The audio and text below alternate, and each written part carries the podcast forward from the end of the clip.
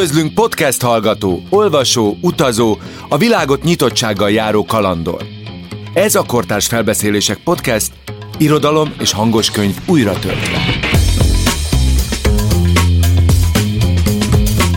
Tilla Tilla vagyok, ebben a sorozatban 18 magyar író 27 novelláját mutatom be nektek a Volvo és a Radnóti Színház jóvoltából együttműködve a Magvető kiadóval. A felbeszélők a Radnóti Színház színészei és vendégművészei. Azért indítottuk el ezt a műsort, hogy a biztonságos és fenntartható vezetési élményt inspiráló irodalmi élményekkel tegyük teljessé. Hiszünk abban, hogy a sokszínű és magával ragadó kortárs magyar novellák szórakoztatnak, elgondolkodtatnak és segítenek jobban megérteni a világot.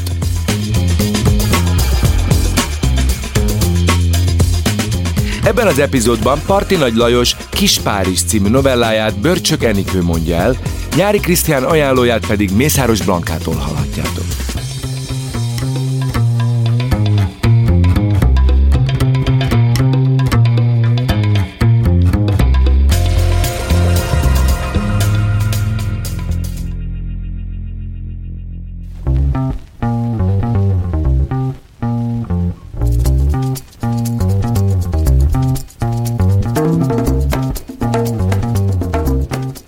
Ibusár község a Parti Nagy Lajos teremtette világ egyik központi helyszíne.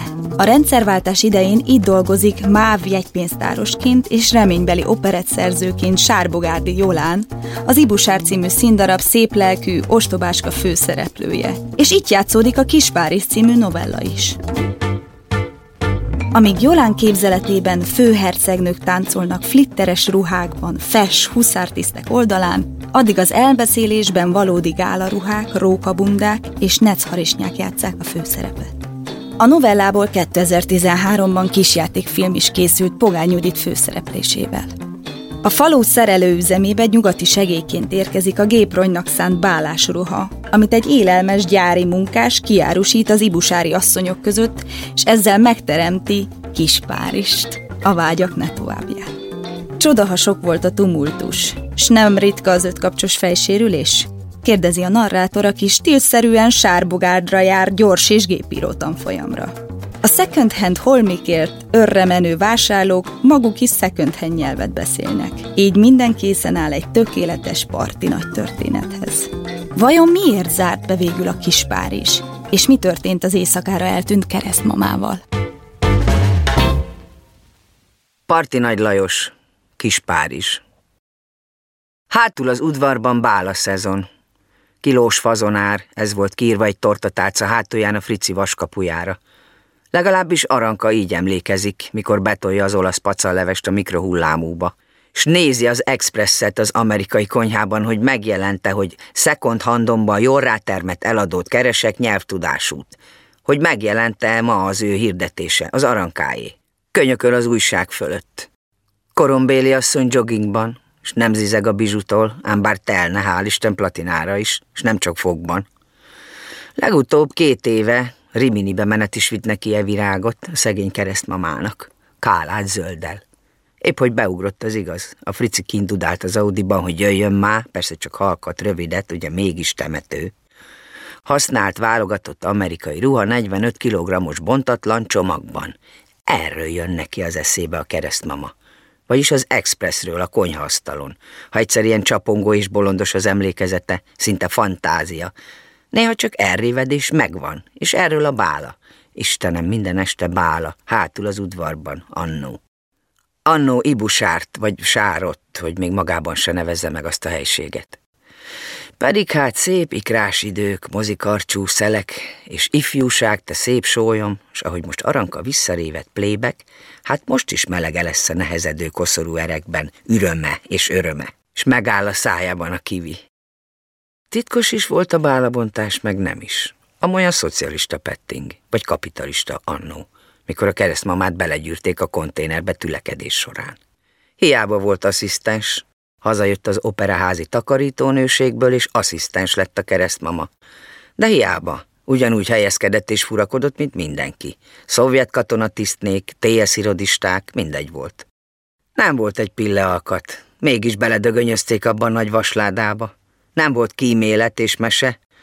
Murrogattak és fújtattak az asszonyok, ha vágta a perem a lépüket, vagy az ilyesmiüket. Hát vágta.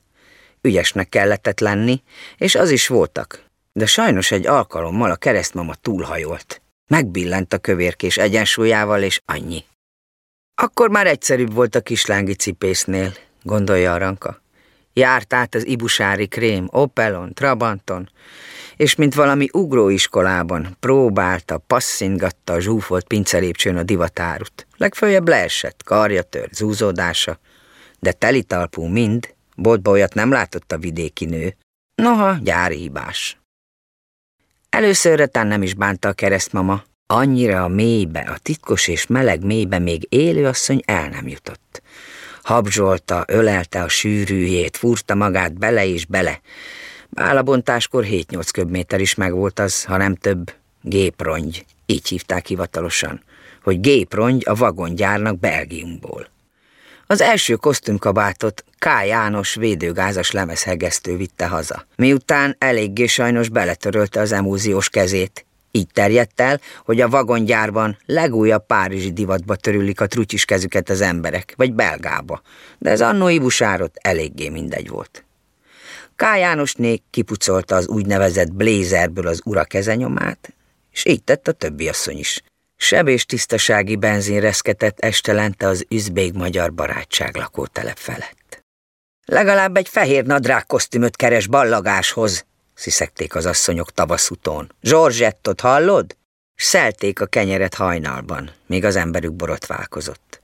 Meg hogy a cselesztánénak komplett amerikai bébidól turkált az ura, mert szereti azért, és ezen halkan elveszekedtek a barbon arcú, szögvas tekintetű férfiakkal. Brüsszel vagy Párizs gyúlékonyan száradt a tavaszi szelekben.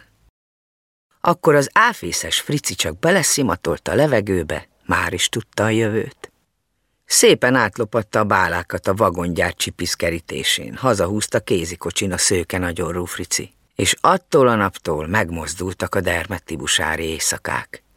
Hátul az udvarban karbidlámpánál európászkodtak ki az asszonyok, s vitték haza az édes terhet toldi biciklin, a nyereg, hasuk meleg volt, mint a rúzs, akárha bál után. Csodahasok volt a tumultus, s nem ritka az ötkapcsos fejsérülés. Néha át kellett hívni a kokker gyári őrt. Azt csinált rendet, hogy belelőtte véget a plafonba, olyan is előfordult. Ilyen tekintetben nem volt unikum, hogy a keresztmamát, ki hiába volt megbecsült asszisztensnő spávakörtag, őszintén megmondva belelökték.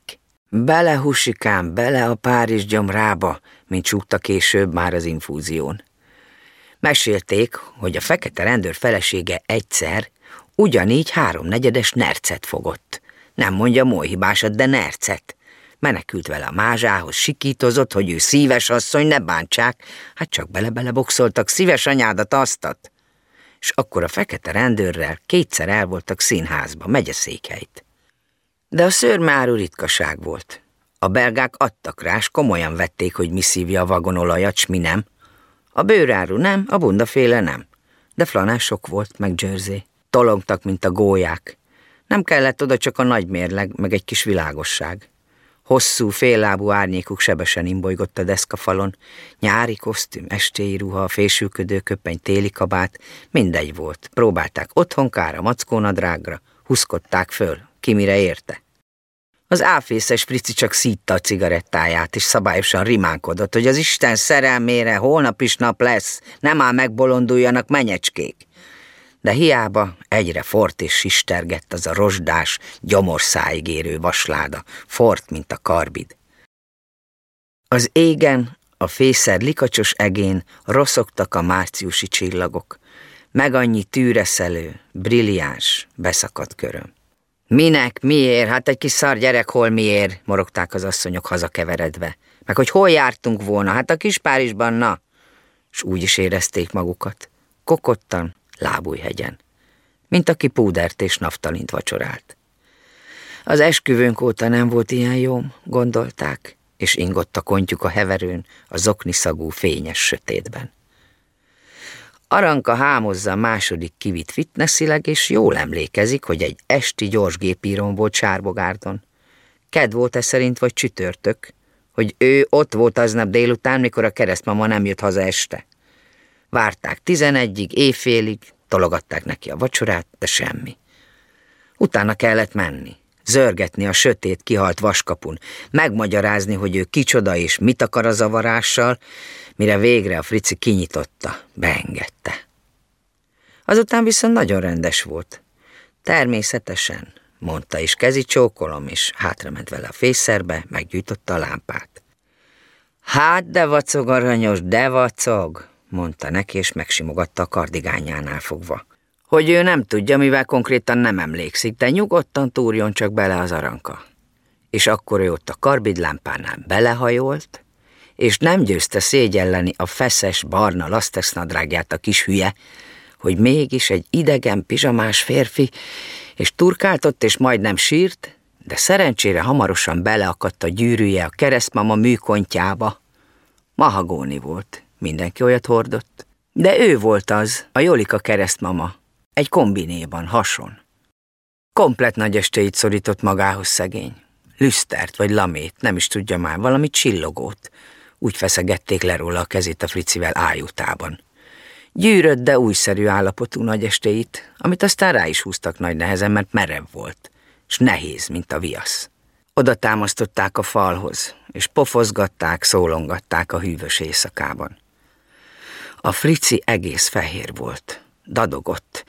Egy fillért se, mondta, egy huncut fillért se fogadok el a ruháért, aranka édes, és kihozott a konyhából egy csésze császárkörtét. Csak hogy ne legyen baj. Az úton hazafelé a keresztmama szédelgett. Hány, nagyon, de hogy a lépe megrepett volna, azt nem látták külsőleg. Csak az orvos mondta exitkor. Ennél fogva bezárt a kis pár is. Nem sokára a vagongyár is. Megállt a község a korszerűségben. Mikor a frici felfüggesztetje lejárt, kivette az ipart. Aranka mindent neki köszönhet. A Riminit, a Second Handet, a Budapestet, mert feljöttek 15 éve. Hisz a nap is feljön, a hold is, és egy darab van az életből aranyom. Hiába február, s akkor van dél, ha csönget a frici pacalja a mikrohullámúban.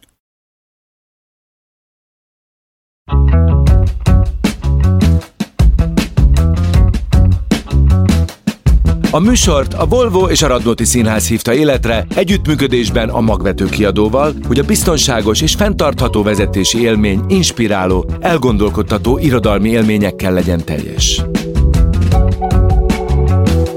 A műsor megtalálható a Spotify-on, az Apple és a Google Podcast-en és mindenféle más lejátszókban is. Ha tetszett ez az epizód, hallgassd meg a teljes műsort. Ha szeretnéd, hogy minél többen megismerjék a kortárs magyar novellákat, akkor értékelj minket öt csillaggal, mert így kerülünk előrébb a toplistákon. Köszönjük! A műveket a magvető kiadó bocsátotta rendelkezésünkre, a válogatást Bátori Orsolya és Schaffler Sarolta készítette. A novellák hangfelvételét Bátori Orsolya rendezte. Hangmérnökök Gábor Dániel, Jacsó Bence és Tóth Péter Ákos. A podcast felvételvezetője Dósa Márton, a gyártásvezető Gröger Díja, a zenei és utómunkaszerkesztő Szűcs Dániel, a kreatív producer Román Balázs, a producer pedig Hampuk Rihán. Tilla Tillát és a Kortárs Felbeszélések podcastet hallottátok.